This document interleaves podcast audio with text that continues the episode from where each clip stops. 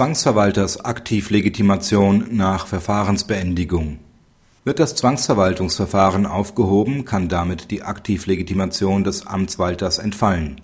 Dies ist jedoch nicht immer der Fall, so dass beschlagnahmte Forderungen von ihm noch geltend gemacht werden können.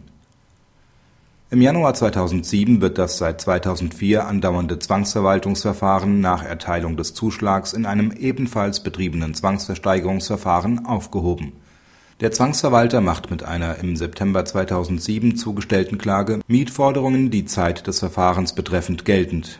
Der Beklagte stellt wegen der Verfahrensaufhebung die Aktivlegitimation in Frage.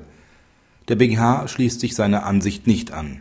Die Aktivlegitimation des Zwangsverwalters liegt noch vor.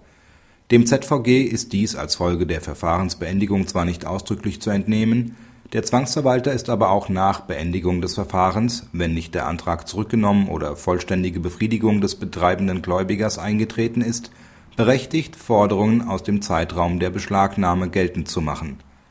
Dass das Verfahren aufgehoben worden ist, ist ohne Belang. Entscheidend ist, dass der Zwangsverwalter verpflichtet ist, der Masse zuzurechnende Forderungen einzuziehen und notfalls gerichtlich zu verfolgen Soweit die Beschlagnahmewirkung reicht, darf es nicht von Zufällen abhängen, ob diese Forderungen noch von ihm eingezogen werden dürfen. Die Verfahrensaufhebung wird daher nur zugunsten des Erstehers anzuordnen sein, damit dieser in den Genuss der Erträge kommen kann.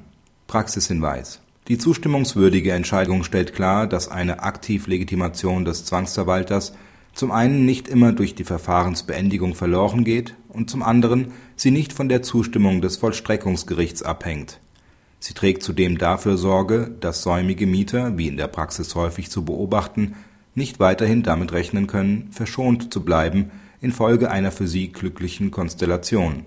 Der Ersteher hatte keine Forderung, der Schuldner verfügte nicht über die zur Beitreibung notwendigen Mittel und der Zwangsverwalter meinte, ihm fehle die Klagebefugnis. Benachteiligt waren stets die betreibenden Gläubiger. Diese müssen nunmehr zwar im Verfahren gegen den säumigen Mieter vorfinanzieren können aber zumindest hoffen, dass die ihnen noch zustehenden Mittel der Masse zur Verteilung zugeführt werden. Zwangsverwalter werden zur Vermeidung eigener Haftung nunmehr die Verfahrensbeteiligten zumindest auf die Möglichkeit einer Klage durch sie hinweisen müssen. Die eventuell zu beachtenden Verjährungsfristen stellen für ihn dann ein weiteres Risiko dar